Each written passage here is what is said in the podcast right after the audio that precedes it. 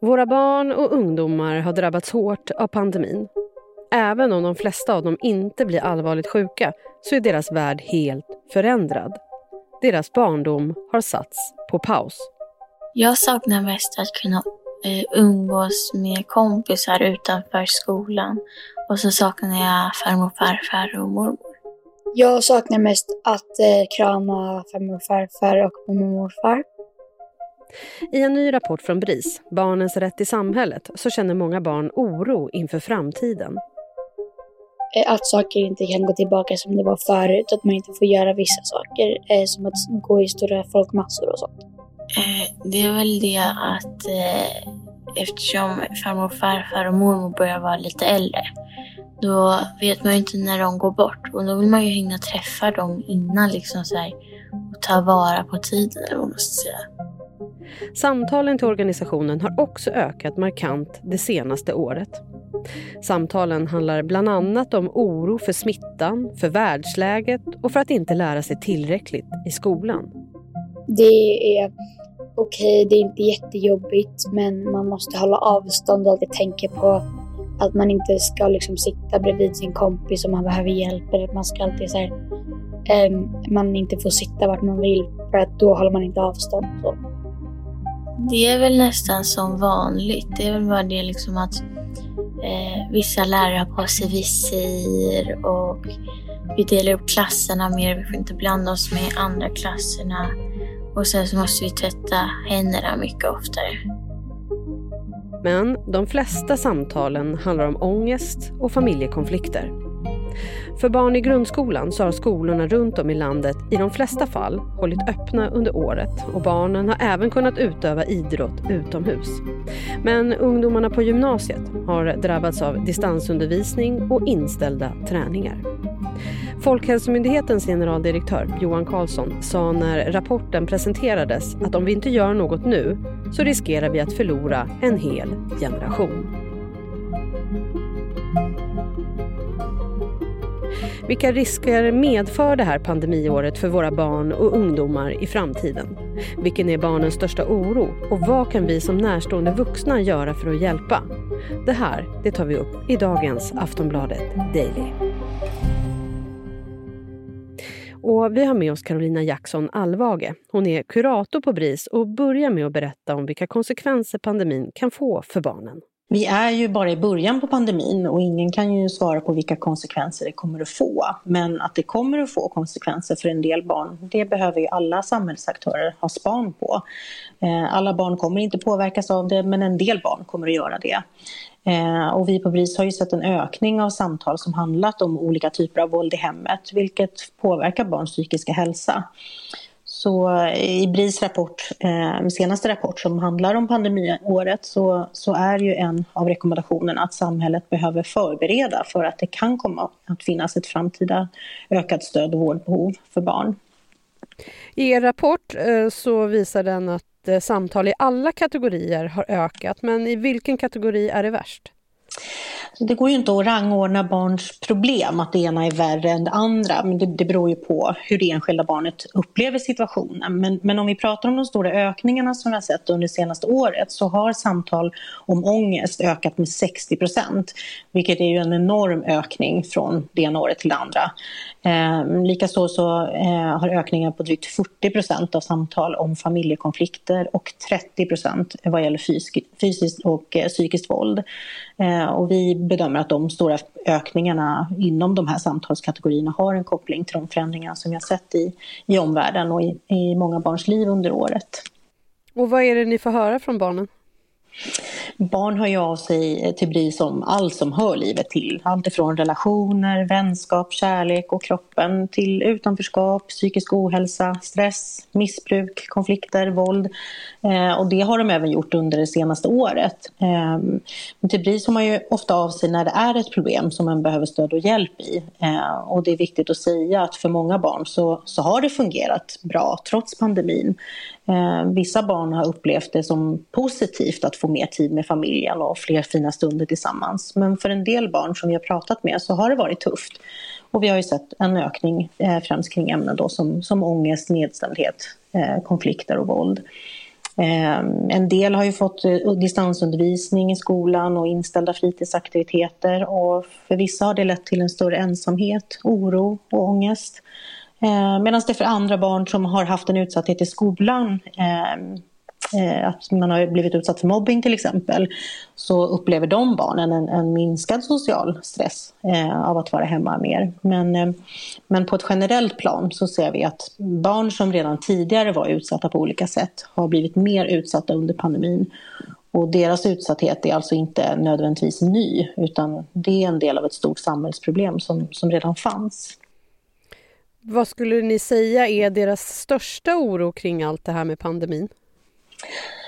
Ja, hela samhället har ju påverkats av pandemin och, och, självklart så har ju även barnen gjort det. Eh, jag tror att i princip alla barn som vuxna under det senaste året har upplevt någon form av oro över saker som sker. Ehm, en del barn som ringer uttrycker en rädsla inför att stå inför någonting nytt som de aldrig upplevt tidigare. De undrar vad som kommer hända, hur de kommer att påverkas eh, och när det kommer ta slut. Och de frågorna eh, finns det ju inte några självklara svar på. Ehm, och många barn beskriver också en avsaknad av distraktioner, alltså socialt umgänge som, som är en jätteviktig skyddsfaktor för psykisk hälsa. Ehm, och det har ju också gjort att deras dåliga mående kunnat ta mer plats. Ehm, och att pandemin har blivit en till sak som, som de inte riktigt kan kontrollera. Eh, vilka risker finns det nu om man inte hjälper de här utsatta barnen medan de mår dåligt? Ja, alltså ökad oro, ångest och att utsättas för våld skapar ju ett psykologiskt lidande där det ofta krävs stöd och hjälp för att komma vidare. Och barn har ju rätt till liv, hälsa och utveckling och det har alla samhällets aktörer ett ansvar för att se till att, att de rättigheterna blir tillgodosedda. Så att kunna få samtalsstöd tidigt eh, men även att få en ökad möjlighet att kunna stöd, söka stöd på egen hand utan vårdnadshavares medgivande det är två viktiga steg för att kunna liksom, säkerställa att, att barns rätt till liv och hälsa och, och utveckling. Och Johan Karlsson, generaldirektör på Folkhälsomyndigheten, han sa ju när er rapport Eh, kom för någon vecka sedan att mm. man riskerar att förlora en hel generation om man inte tar tag i det här. Så vad tror du, hur kan pandemin påverka barn och ungdomar i framtiden? Ja, alltså ingen hade ju kunnat förutse att det här skulle hända. Eh, att vi skulle hamna i, i den här situationen. Eh, och jag kan inte svara på vad som kommer hända i framtiden. Men, men det vi kan göra är att fokusera på vad vi kan göra här och nu. Eh, och där vet vi att skolan eh, är en viktig skyddsfaktor för att se till att barn också får det bra i sitt vuxna liv. Så därför är det oerhört viktigt med en välfungerande skola och en tillgänglig elevhälsa. Eh, och en av de rekommendationer också som, som eh, eh kom fram i, i rapporten eh, handlar också om att, att vi behöver utreda eh, då, hur pandemin har påverkat barns psykiska hälsa. Ehm, att vi behöver utreda barns utsatthet också, hur den har påverkats under pandemin med, med särskilt fokus på våld. Ehm, och för att kunna dra lärdom liksom i att hur vi kan främja god psykisk hälsa bland barn men också i våldspreventiva arbetet. Ehm, och där rekommenderar ju BRIS att, att Folkhälsomyndigheten ska, ska utreda den här situationen. Mm, finns det någonting annat eh, som ni önskar att eh, man gör nu för att hjälpa de som är utsatta? Ehm, vi behöver stärka tillgången till samtalsstöd för barn i hela landet. Alltså vardagligt samtalsstöd är viktigt för att, rusta barn i att hantera olika situationer som kan uppstå i livet. Barn behöver få prata eh, med vuxna om sina tankar och känslor, att få stöd i att sortera i det som händer, eh, att få verktyg och må bättre. Ehm, sen är det jätteviktigt att poängtera att alla barn inte har en trygg vuxen att prata med. Och därför så blir ju stödinsatser som BRIS eller elevhälsan eller andra vuxna som finns nära barnet men som inte är en del av familjen, om det är där det är svårt, liksom, eh, viktiga skyddsfaktorer. BRIS finns ju alltid där för barnen, men gör ni någonting annorlunda nu under pandemi, pandemin som ni inte har gjort tidigare? Ja, alltså barns behov har ju inte förändrats under pandemin men omständigheterna i samhället har ju blivit annorlunda. Eh, många av oss har arbetat hemma, vi har haft utökade öppettider men stödet är detsamma. Eh, den största skillnaden för i år är att BRIS sedan i måndags har öppet dygnets alla timmar. så att barn kan få stöd via chatt och telefon. Och eh, då är vi också det enda dygnet runt-stödet för barn i Sverige. Eh, men det här behovet har ju funnits redan tidigare. Trycket har varit stort länge. Vi har haft långa köer eh, under lång tid och vi har också planerat för den här förändringen länge. Eh, men den sker just nu i en väldigt angelägen tid. Eh, BRIS stöd till barn handlar ju om att lyssna och ta emot barns berättelser. Att, att få börja berätta om hur de mår för en vuxen som lyssnar och bekräftar eh, deras känslor och upplevelser. Eh, det handlar också om att hjälpa till att avlasta skamkänslor och fundera kring hur det kan tas emot om de börjar prata med en vuxen i sin närhet. Eh, och sen så ger vi också barnet kunskap kring vad, vad hen har rätt till, vilket stöd som finns eh, och peppar och hjälper till eh, att göra en plan för att skapa en förändring. Och som du säger, alla barn har inte en trygg vuxen i sin närhet. Så vad kan man som förälder eller vuxen i barns närhet, vad kan man, vad kan man tänka på för att hjälpa dem? Ja, men det är en sån jätteviktig fråga. För som vuxen medmänniska så kan man stötta barn på, på många sätt. Ehm, I samtal med, med, barn är det viktigaste att lugna och trygga och stärka barnets känsla av kontroll. Ehm, alla barn är olika och, och, hur ett barn reagerar på, på händelser eh, avgörs av flera olika saker. Det kan vara barnets ålder, hur barnet mår, vad som händer i livet i, i övrigt. Tidiga erfarenheter spelar också roll, eh, så det är viktigt att vara lyhörd och observant på vad just det här barnet som du har framför dig behöver. Ehm, ställa nyfikna frågor. Ehm, vad vet du? Vad undrar du? Ehm, och visa att, att eh, vi gärna vill prata om det som kan kännas svårt, eh, även om man inte har alla svaren. Och, och, genom att ställa de här frågorna så, så, visar, visar du som vuxen att du vill prata om det här trots att det är svårt och att det inte finns några tydliga svar. Och att det också gör, liksom visar barnet att det här, det här är pratbart. Um, det är också viktigt att, att inte överföra sin egen oro som vuxen. Ehm, en pandemi eller andra händelser i livet kan ju skapa rädslor kring hälsa, ekonomi, sociala aspekter hos oss vuxna. Eh, men det gäller då att, att som vuxen ta hjälp av andra vuxna. Eh, att inte prata med eh, barnen om, om sin oro och visa att eh, jag tar ansvar för, för situationen. Ehm, men sen också självklart viktigt att bekräfta barnens känslor och, och prata tillsammans om vad, vad vi kan göra för att må bra, både, både som barn och som vuxna. Och det kan också vara bra att se, se det lite ur ett vidare perspektiv. Vad kan jag som vuxen göra? Vilka barn kan jag kan jag stötta?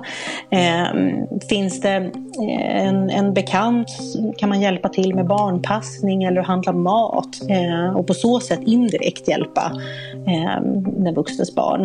Eh, det finns många sätt att, att stötta barn och det, det, är bra att lyfta blicken. Ehm, och en annan viktig aspekt är ju att just kontaktytorna har begränsats för, för många människor under pandemin och det här har ju också påverkat barn. Så färre vuxna som ser varje barn och färre som kan reagera om någon får illa. Så, så därför är det ännu viktigare nu än någonsin att om man känner ett oro, en oro för ett barn, att man faktiskt agerar och orosanmäler. För det, det är bättre att göra en orosanmälan för mycket än en för lite.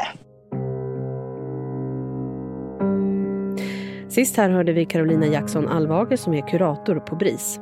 Och är du som lyssnar barn och vill komma i kontakt med BRIS så kan du ringa 116 111.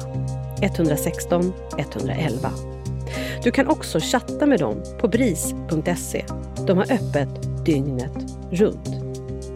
Barnen och ungdomarna vi hörde i början av avsnittet är inte barn som har ringt in till BRIS utan det är barn till medarbetare här på Aftonbladet.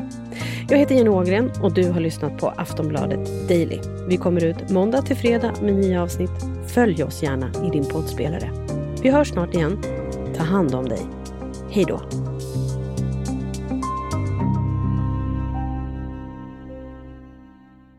Du har lyssnat på en podcast från Aftonbladet. Ansvarig utgivare är Lena K Samuelsson.